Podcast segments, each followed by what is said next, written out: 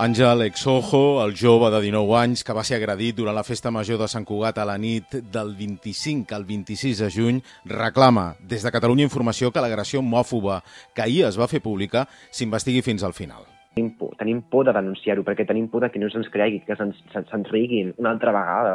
Jo vull creure en el sistema i en la gent, i vull creure que això no quedarà com una anècdota i s'oblidarà d'aquí una setmana. Els fets, que es van conèixer ahir, es van produir sense motiu. Tres joves es van adreçar a una amiga que l'acompanyava, buscant brega, ell va intentar posar pau i un dels nois el va pagar. Va quedar estès a terra amb el cap obert. Després de pagar-me, va fugir, i va fugir a crit de maricón. Vull dir, això ja diu que ell es va veure amb la potestat, amb, la, amb, amb el dret, amb la impunitat de poder pagar-me, poder-me insultar i humiliar, perquè realment és el que van fer, sense cap altre motiu, van, es, van decidir agredir-me, saps? A tal. I l'únic motiu que van donar i que van deixar explícit, explícitament que va ser això, va ser, en plan, el fet que jo era maricón. L'Àngel, que es considera persona de gènere fluid, és a dir, que la seva expressió no correspon amb l'estereotipada masculina o femenina, demana que reflexioni sobre el context de violència en contra del col·lectiu LGTBIQ+.